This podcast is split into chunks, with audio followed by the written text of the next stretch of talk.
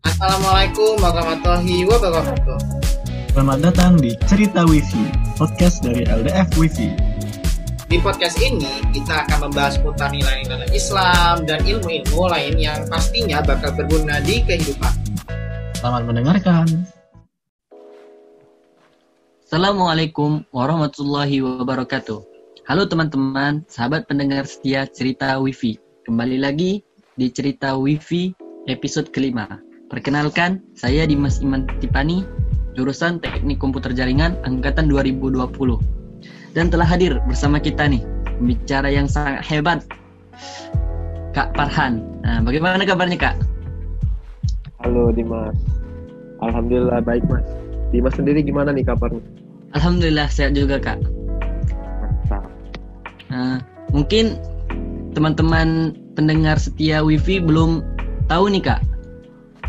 Eh, eh, dengan kakak, mungkin perkenalan dulu nih kak.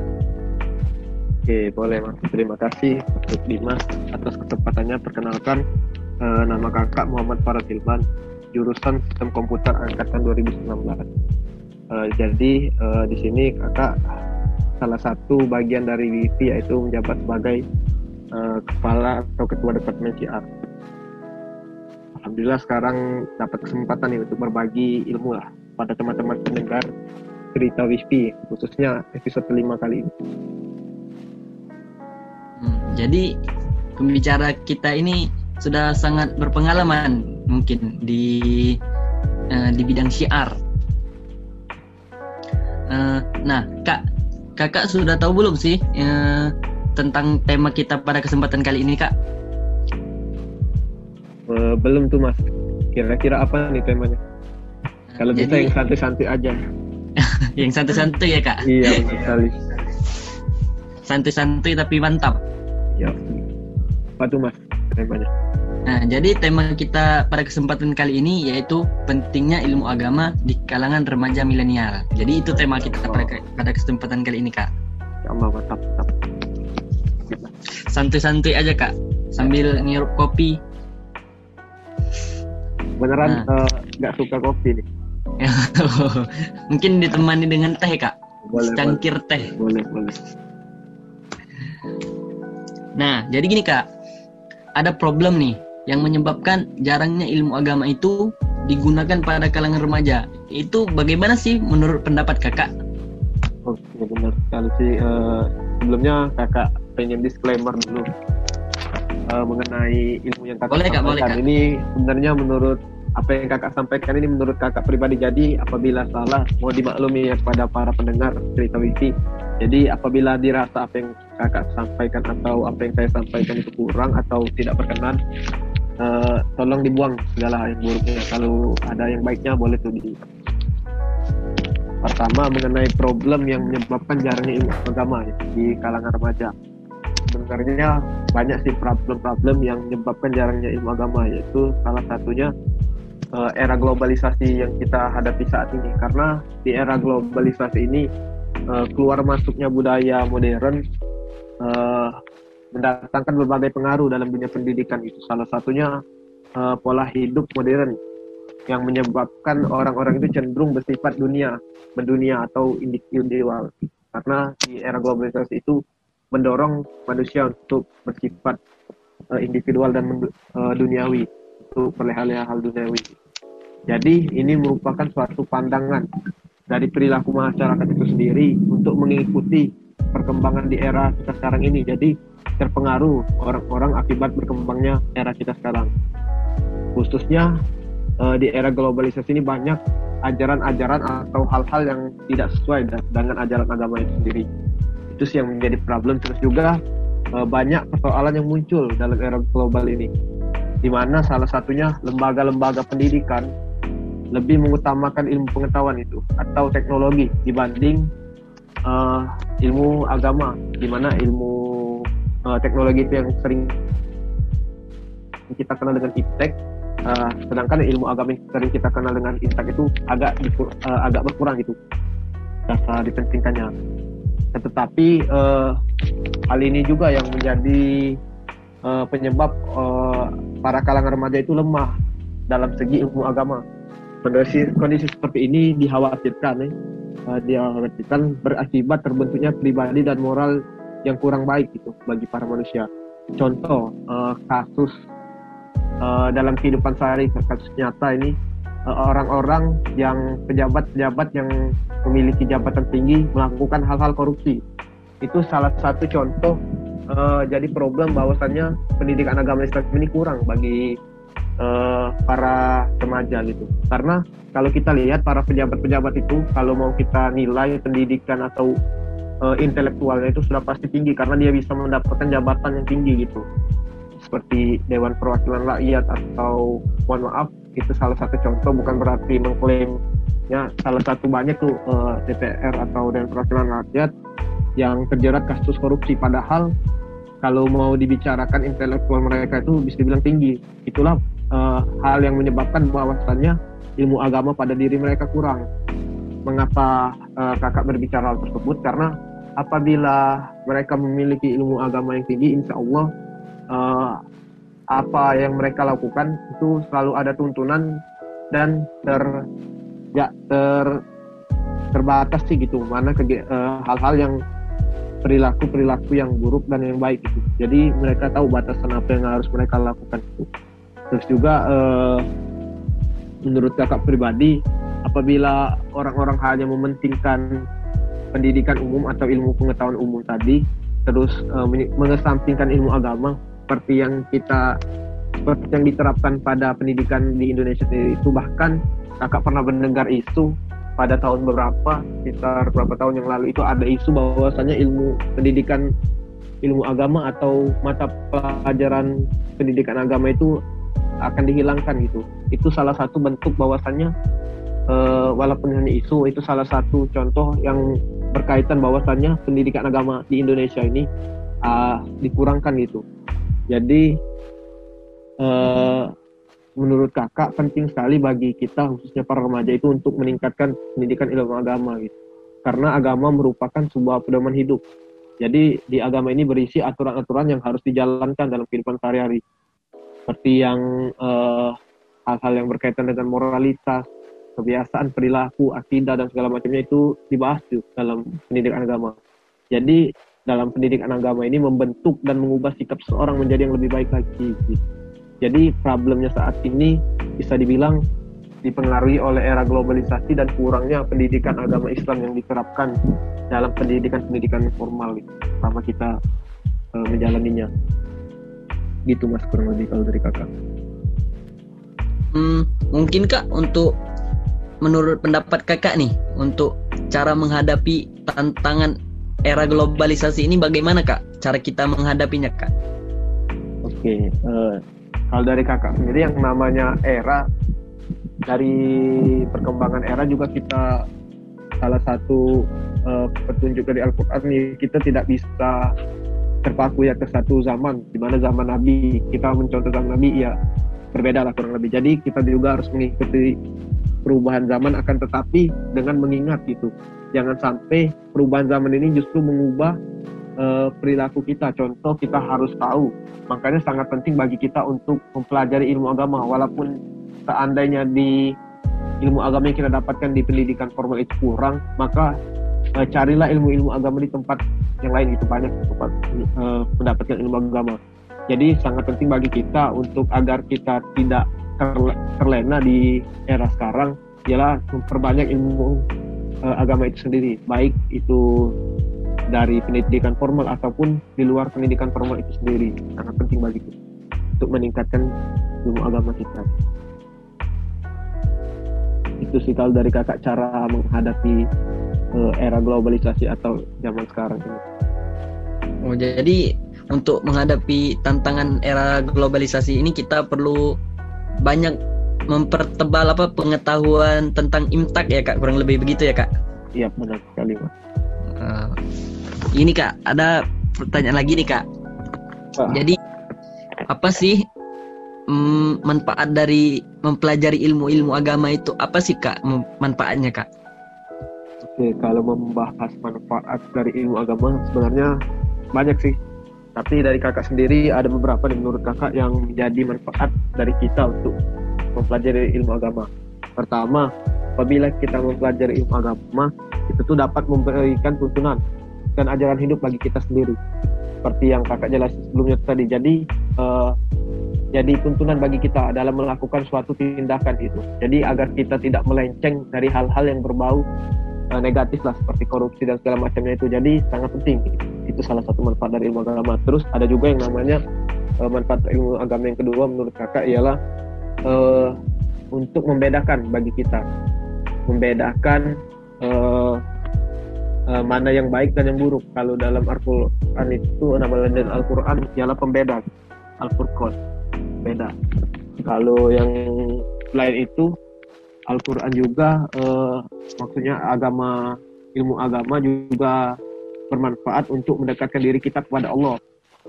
Tadi, jadi eh, apabila kita mempelajari ilmu agama dan insya Allah ilmu agama eh, kita itu kuat, insya Allah eh, otomatis juga hubungan kita dengan Allah atau hablum minallah itu eh, terjalin cukup kuat gitu.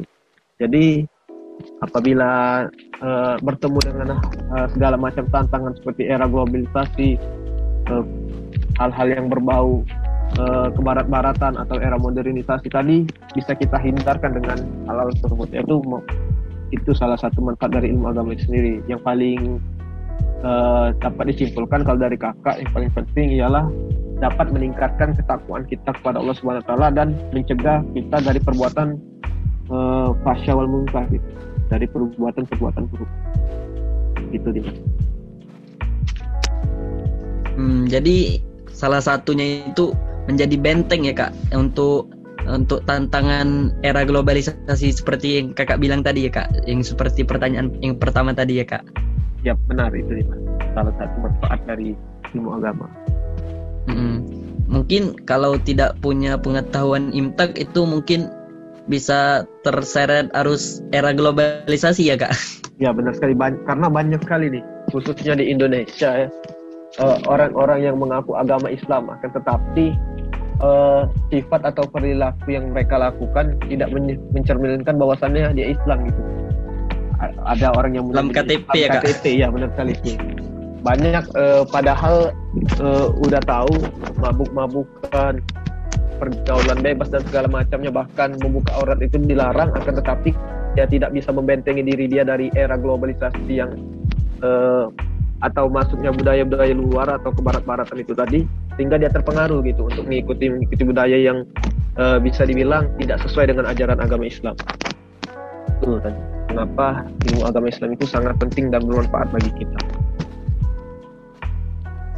Nah, jadi sangat banyak ya kak manfaatnya. Nah kak untuk manfaat yang paling besar nih kak, yang paling ber paling besar atau paling berpengaruh lah kak, menurut kakak apa sih kak untuk apa namanya manfaat besar atau manfaat yang paling berpengaruh mempelajari ilmu agama itu kak? Oke, eh, untuk menurut kakak untuk manfaat besarnya sebenarnya semuanya besar. Kalau kita lihat eh, apa yang kakak sampaikan tadi akan tetapi kakak ada mengutip suatu potongan ayat yaitu Quran surat Al-Fajr ayat 27 sampai 30 di mana bunyinya itu irji ila rabbika radiyatan mardiya padukuli fi ibadi wadukuli jannati.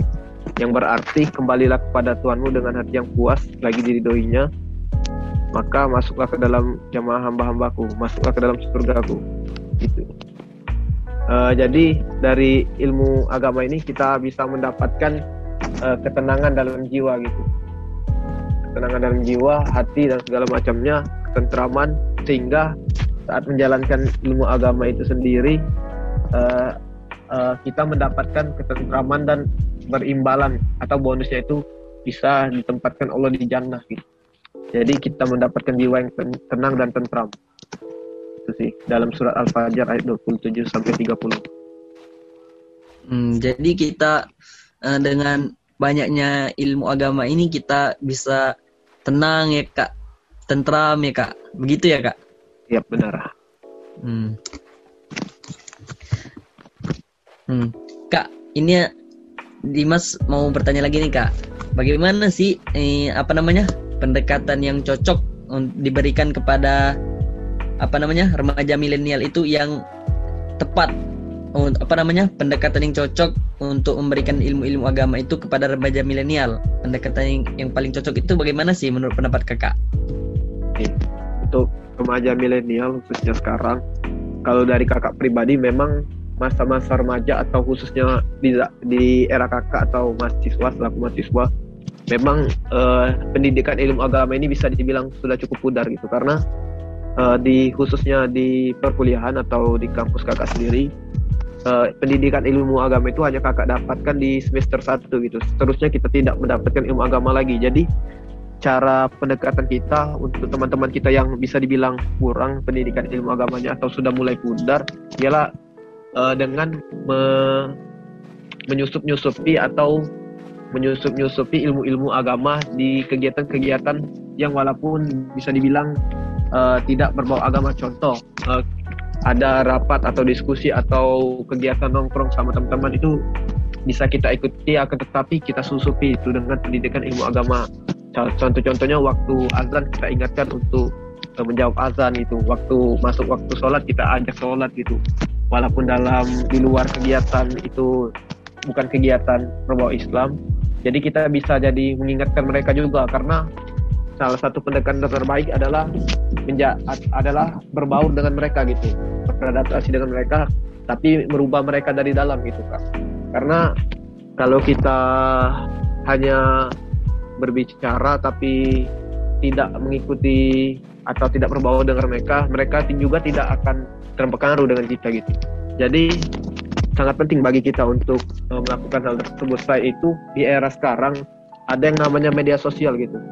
Ada yang namanya Instagram, WhatsApp, lain dan segala macamnya. Di situ juga bisa kita manfaatkan gitu untuk uh, menyebarkan ilmu-ilmu agama. Jadi uh, apa yang namanya tadi untuk pendekatan yang cocok ya ialah melalui melalui media sosial selain pendekatan uh, secara langsung karena media sosial ini sangat penting di khususnya di zaman sekarang ya karena sudah banyak orang-orang yang mulai uh, memainkan media sosial bahkan orang tua bahkan nenek kakek kita pun ada media sosial mereka. Jadi apabila kita menyusupi gitu ilmu-ilmu agama jadi uh, mereka itu teringat gitu dengan ilmu-ilmu agama mereka. Walaupun uh, mereka tujuannya tidak sengaja gitu membuka ilmu agama yang kita share. Dia membuka media sosial bukan dengan tujuan itu akan tetapi karena kita share secara tidak langsung dia mendapatkan ilmu dari kita gitu itu kalau dari kakak sendiri. Hmm, jadi bisa menyebarkan lewat media sosial ya kak? Ya benar. Uh, mungkin seperti film ini kak. Kakak tahu nggak film ini? Ustadz Milenial. Ustadz Milenial. Ya pernah nonton nggak kak? Siapa tuh? Kakak takut salah. Uh, jadi dia itu film tentang penjelasan gitulah kak. Tentang apa namanya tentang dakwah secara online dan lain-lain kak. Itu YouTube ya? Channel YouTube bukan? Uh, di WTV kak, di WTV. Oh, kurang. Nah, kalau itu kurang sih kakak. Kurang uh, mungkin boleh dicontoh tuh, boleh tonton filmnya. Ya boleh itu. Nanti kakak masuk waiting list untuk ditonton benar sekali itu salah satu contoh nih mas karena banyak uh, ustadz-ustadz segala macam yang mulai memanfaatkan atau bisa dibilang media sosial khususnya YouTube ya. YouTube sekarang sudah banyak tuh channel-channel yang membahas tentang pendidikan agama. Jadi itu salah satu contoh pendekatan-pendekatan yang bisa kita lakukan gitu kita juga bisa meniru hal tersebut dengan mengisi konten-konten media sosial kita dengan hal-hal yang berbau ilmu agama gitu. Iya kak, uh, di film Ustadz Milenial itu juga begitu kak. Uh, apa namanya pemeran utamanya di situ berceramah melalui media sosial kak, menyebarkan ilmu agama kak. Hmm. Bagus bagus. Uh, uh, ini kak ada pertanyaan lagi kak. Eh, bagaimana sih cara menyikapi orang-orang atau kaum muda yang lainnya itu yang menganggap remeh ilmu agama ini kak bagaimana sih kak menyikapinya kak Oke kalau dari kakak sendiri menyikapi orang-orang atau kaum muda yang menganggap remeh ilmu agama ialah dengan cara mengingatkannya kalau dari kakak. Karena kita tidak bisa ya memfonis mereka bahwasanya apabila mereka menganggap remeh ilmu agama memfonis mereka uh, buruk atau kafir segala macamnya atau tidak mau mempelajari ilmu agama kita tidak bisa. Karena memang uh, apabila kita meninggalkan mereka justru uh, jadi hal yang buruk itu bagi kita. Jadi cara terbaik kita adalah mengingatkan. Juga jangan sampai memarahi mereka atau mencaci mereka karena menganggap remeh agama itu sendiri. Jadi e, ibaratkan kalau kita ibaratkan e, batu kalau batu dihantam dengan batu itu maka kedua batu itu akan hancur gitu. Jadi cara terbaik dari kita adalah e, mengingatkan secara perlahan itu ibaratkan e, batu yang diteteskan e, tetes air meskipun perlahan-perlahan tidak akan hancur, akan tapi apabila terus ditetesi, terus ditetesi, maka batu itu akan berlumut lama-lama akan hancur dan berlubang itu. Kurang lebih seperti itu perumpamaan atau ibaratnya kalau dari kakak. Jadi apabila uh, bertemu atau uh, bertemu atau berteman dengan orang-orang yang menganggap ilmu agama, cara kakak menyikapinya adalah mengingatkan mereka gitu walaupun tidak serta serta merta diterima mereka secara langsung tapi perlahan gitu kan jangan langsung menjauhi mereka gitu. justru itu salah satu uh, sarana untuk kita berbagi pendidikan gitu. Kalau dengan orang yang sudah pintar sih justru kita yang tidak dapat kesempatan lagi untuk uh, berbagi ilmu. Justru dengan orang-orang seperti itulah kita harus berbagi dengan mereka. Agar ke depannya mereka mulai uh, mementingkan ilmu agama. Itu mas. Hmm, jadi dengan perlahan ya kak, sebagaimana seperti firman Allah itu kak, udu'u ila sabili rabbika bil hikmati wal mau'izatil hasanah. Kayak gitu ya kak? Yep. Dengan hikmah dan mau'izatil hasanah. Benar sekali mas.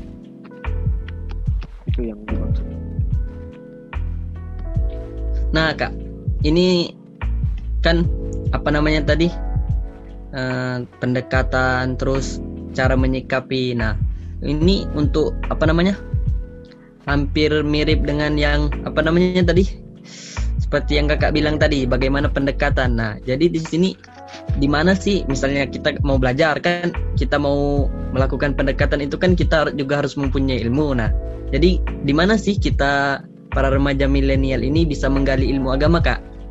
Uh, mohon maaf, uh, bisa diulang nih mas. Nah, jadi gini kak, kan kita itu kan mau melakukan pendekatan untuk apa namanya memberikan ilmu-ilmu agama kepada remaja milenial. Berarti kita harus memiliki ilmunya dulu dong. Benar nggak kak? Benar benar itu. Berarti kita harus memiliki nah. Nah, di mana kita bisa mendapatkan ilmu-ilmu agama itu kak? Menurut kakak? Okay, uh, eh, untuk mendapatkan ilmu agama sebenarnya banyak tempatnya. Uh, selama kita menjalankan pendidikan formal pun kita mendapatkan gitu ilmu-ilmu agama walaupun dirasa kurang itu. Uh, uh, berapa semester nih? Dari kelas 1 SD bahkan TK mungkin atau PAUD sudah mendapatkan pendidikan ilmu agama sampai ke SMA kita mendapatkan sampai ke kuliah pun masih. Tapi untuk mendapatkan ilmu agama di pendidikan formal uh, menurut kakak pribadi itu dirasa kurang gitu. Karena memang apa yang dibahas itu masih sedikit gitu. Yang kita dapatkan juga sedikit kakak pun uh, pengalaman kakak pribadi kakak saat SMP pun di sekolah uh, Islam gitu yaitu MTS Negeri 1 walaupun berbeda dengan sekolah lain di mana pendidikan agamanya itu hanya uh, satu mata mata pelajaran sedangkan di MTS itu uh, berapa ada cukup banyak mata pendi, mata pelajaran seperti Al-Qur'an hadis, akidah dan akhlak, uh, hafalan Quran, ada juga yang namanya bahasa Arab dan segala macamnya uh, tetap saja kurang gitu apa yang kita dapatkan. Karena emang kalau mau mendapatkan ilmu yang banyak itu kalau ada pepatah itu carilah uh, carilah ilmu sampai ke negeri Cina gitu. Uh, bahkan salah satu contohnya untuk mendapatkan ilmu agama lain itu kakak beneran saat SMA alhamdulillahnya kakak masuk di SMA Negeri 6 Palembang di mana unggul uh, eh, SMA Negeri 6 Palembang itu adalah unggulan yang berbasis imtak gitu. Uh, memang ilmu agama pendidikan ilmu agamanya itu hanya satu mata pelajarannya. Tapi kegiatan-kegiatan di luar itu yang bisa menjadi sarana atau tempat mencari ilmu agama. Salah satu contohnya kakak waktu SMA itu sering ikut kegiatan mentoring, ada yang namanya muhadawar bahasa Arab, ada yang namanya majelis taklim. Itu banyak sekali di SMA kakak kegiatan seperti eh, kegiatan-kegiatan seperti itulah eh, menjadi tempat yang eh, kakak rasa mendapatkan banyak ilmu agama gitu di situ. Tetapi di kondisi sekarang atau di zaman sekarang tempat-tempat ilmu mencari ilmu agama itu selain di pendidikan-pendidikan formal yang kakak sebut tadi uh, bisa kita dapatkan dengan mudah yaitu melalui media online gitu. Ada yang namanya YouTube, Instagram dan segala macamnya. Banyak tuh bisa kita cari tempat-tempat untuk mendapatkan ilmu agama. Jadi kalau memang kita mau memiliki ilmu agama yang banyak atau memiliki pengetahuan tentang agama yang banyak, ya tidak cukup serta merta uh, mempelajari di pendidikan-pendidikan formal aja. Gitu. Jadi cari juga di media-media online, media-media sosial, internet, kembali lagi uh, akan tetapi apabila kita mempelajari ilmu agama khususnya mencari di internet uh, kita masih memerlukan yang namanya pembimbing atau ustadz atau guru itu untuk agar apa yang kita dapatkan di internet itu uh, tidak menjadi hal yang sesat bagi kita sendiri itu. Karena ditakutkan apa kita, bila kita mencari ilmu agama di internet itu sendiri justru menyesatkan bagi kita gitu karena uh, ilmu agama ini memerlukan seorang guru. Contohnya lagi kalau kita mau di YouTube, kita pastiin dulu tuh uh, ustadznya siapa. Uh, terus misalnya Ustadz Abdul Somad kah, Ustadz Adi Hidayat kah. Jadi kita pastiin dulu gitu. Biar ilmu yang disampaikan itu bisa kita terima dengan baik. Jangan sampai justru jadi uh, menyesatkan kita sendiri gitu. Itu kalau dari Hmm, jadi uh, tidak terpa apa namanya tidak terpaku hanya di kelas saja ya kak. Karena kalau di kelas itu sangat minim ya kak, betul nggak kak? Iya benar. Uh, contohnya minim, itu pun ya, contoh kecilnya gini mas, di kampus kan kurang nih pendidikan agamanya makanya uh, kakak ikut organisasi wifi ini. Jadi jadi sarana juga untuk kakak mencari ilmu agama gitu di sini. Karena memang banyak tuh uh, siar-siar atau penyebaran-penyebaran ilmu agama di organisasi-organisasi uh, yang berbau uh, agama seperti wifi sendiri gitu. Berbau islami. Hmm, berarti tidak apa namanya? Tidak apa namanya? Tidak terpaku Jangan, di kelas. Ya. kalau di terpaku kelas sangat minim. Sangat ya, minim benar. ya kak? Ya benar sekali. Hmm. tetapi itu juga harus ada gurunya ya kak. Meskipun kita belajar dari media sosial atau dari mana atau dari artikel ya kak. Ya, tapi tetapi tetap harus ada gurunya ya kak. Betul ya, kak betul betul. Kalau menurut kakak seperti itu sih karena yang namanya ilmu agama ini uh, penyebarannya atau pengajarannya memerlukan seorang guru gitu dalam artian kalau memang kita melalui media media online seperti YouTube tadi ya kita minimal terpaku ke ustadz yang menyampaikan gitu tidaknya biar agar ilmu yang kita dapatkan itu tidak menyesatkan kita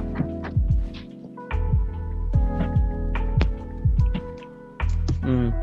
iya kak. Uh, kalau nggak salah itu ada hadis atau pepatah kak. Kalau tidak salah kalau tidak ada gurunya itu maka syaitan yang jadi gurunya kalau kalau nggak salah gitu kak. Iya, kakak juga pernah dengar itu sih. Ya, kakak juga pernah. Pepatah atau hadis kayak gitu kak? Lupa.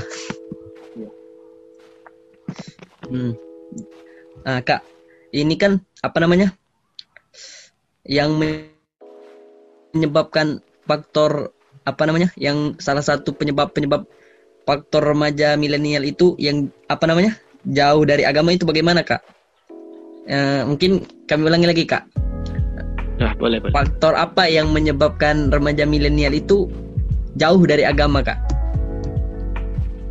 Eh, kalau dari kakak pribadi, faktornya kalau kita melihat dari nomor satu tadi ialah pengaruh dari budaya-budaya yang masuk ke Indonesia yaitu budaya-budaya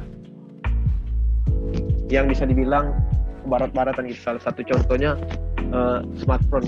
Smartphone ini kan bisa dibilang menjadi hal yang menyebab walaupun jadi sarana kita untuk mendapatkan ilmu agama akan tetapi apabila tidak dimanfaatkan dengan baik ibaratkan pisau pisau itu uh, sebuah benda yang baik diciptakan untuk masak segala macam akan tetapi apabila disalahgunakan justru menjadi faktor yang menyebabkan kita uh, jauh dari ilmu agama itu sendiri. Seperti smartphone banyak orang yang terlena sehingga memanfaatkan smartphone-nya hanya untuk bermain dan segala macamnya padahal bisa dimanfaatkan untuk hal yang lebih baik lagi gitu. Juga eh, faktor lainnya itu ialah kurangnya pendidikan dari pendidikan-pendidikan formal tadi. Sejak kita SD sejak kita SMP sejak kita SMA banyak orang-orang itu yang tidak mu- atau yang kurang mementingkan lah ilmu agama itu. Jadi eh, kurang ilmu agama yang mereka dapatkan. Jadi gitu ya kak. Salah satunya itu kurangnya faktor pendidikan dan seperti apa namanya? Yang problem tadi ya kak. Seperti, seperti problem yang pada pertanyaan tadi. pertama tadi ya kak. ya benar Ya pertanyaan pertama. Hmm. Ya. Jadi kurangnya pendidikan dan juga kuatnya arus era globalisasi ini ya kak. benar-benar Nah kak, ini kan lagi pandemi nih kak. Kira-kira apa nih yang cocok dilakukan oleh kita untuk apa namanya belajar ilmu agama pada masa pandemi ini kak? Oke, eh, masa pandemi sekarang kan bisa identiknya dengan stay at home ya atau stay di rumah gitu. Kalau dari kakak, cara terbaik untuk mendapatkan ilmu agama khususnya waktu di rumah ialah memanfaatkan media online tadi. Eh, kita kan sudah biasa nih di rumah itu mengakses eh, media sosial seperti Instagram kah eh, atau YouTube dan segala macamnya. Cara terbaik kita agar mendapatkan ilmu agama khususnya di zaman sekarang ialah mulai ubah uh, algoritma dari media sosial kita gitu.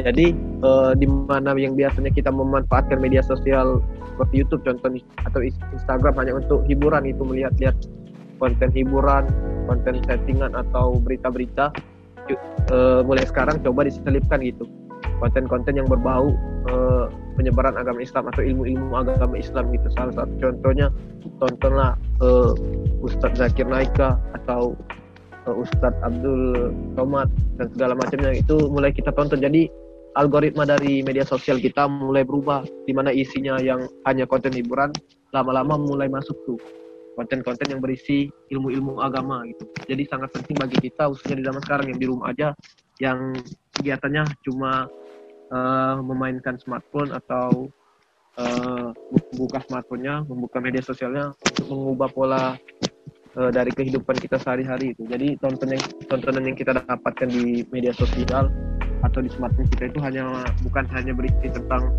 eh, hiburan-hiburan semata gitu. Juga bisa kita dapatkan ilmu-ilmu bermanfaat di situ. Jadi. Hmm, jadi gitu ya kak. Iya, kalau dari kakak itu cara kita mendapatkan ilmu agama. Hmm. Khususnya di zaman sekarang ya, yang mana eh, sekarang pun lagi PPKM nih. Kegiatan Iya, kegiatan di luar pun terbatas gitu. Jadi eh, cara terbaik kita di rumah aja menurutnya waktu lagi di rumah di zaman pandemi sekarang ialah dengan memanfaat- memanfaatkan media sosial kita tadi. Iya kak. Karena alat elektronik ini diciptakan untuk membantu pekerjaan manusia, betul gak kan kak? Iya betul. Tujuan awalnya Iya. gitu akan tetapi banyak orang-orang yang eh, melupakan bahwasanya tujuannya untuk hal tersebut malah menjadikannya hal yang eh, kurang bermanfaat lah bagi kehidupan. Iya. Padahal banyak manfaatnya apabila kita Hmm. eh, terapkan dalam kehidupan sehari-hari. Tergantung cara penggunaannya lah kak. Iya kak. Iya benar sekali. Tergantung dengan penggunanya untuk menggunakan kebaikan atau atau kejahatan itu pengguna yang memilih. Betul kan kak? Ya benar sekali. Ya. Nah kak, itu tadilah apa pertanyaan itu tadi pertanyaan terakhir kak. Karena tidak ada pertanyaan lagi nih kak, mungkin ada kesan atau pesan sebelum closing statement nih kak. Apa namanya? Kesan at- atau pesan atau closing statement kak. Iya. Eh, eh, boleh kakak sampai nih eh, pesan atau kesan sekaligus closing nih closing statement dari kakak pesan untuk para pendengar atau para pendengar cerita Wifi eh, teruslah tuntut ilmu kalian sampai sebanyak-banyaknya dalam artian ilmu dalam hal di sini ilmu agama karena ilmu agama ini merupakan penuntun bagi kita gitu. bisa jadi petunjuk bisa jadi pembeda dan segala macamnya. Sangat penting bagi kita untuk menuntut ilmu agama. Karena khususnya di zaman globalisasi zaman pandemi konspirasi-konspirasi sekarang ini sudah mulai bertebaran gitu terkait eh, hal-hal yang berdampak negatif bagi kita. Maka itu kita perlu membentengi diri kita dengan ilmu agama. Itu, itu sih pesan dari kakak sekaligus closing statement dari kakak Jadi sangat perlu ya kak membentengi diri dengan ilmu agama itu. Kalau Iya. tidak bisa terseret arus era globalisasi ya kak. iya benar sekali ini. Hmm. Jadi begitulah ya teman-teman penjelasan dari Kak Farhan mengenai pentingnya ilmu agama pentingnya ilmu agama di kalangan remaja milenial. Semoga dapat bermanfaat dan dapat diamalkan dalam kehidupan sehari-hari. Eh, sebelumnya terima kasih nih Kak telah menemani kita eh, telah memberikan apa namanya sharing kepada para pendengar dan kami selama kurang lebih 30 menit dalam acara cerita wifi pada episode kelima dengan tema pentingnya ilmu agama di kalangan remaja milenial. Hmm, kami ucapkan terima kasih yang sebesar-besarnya kepada Kak Farhan. Oke, terima kasih juga untuk Dimas selaku moderator dan teman-teman eh, yang sudah menyelenggarakan cerita itu khususnya di episode 5 ini.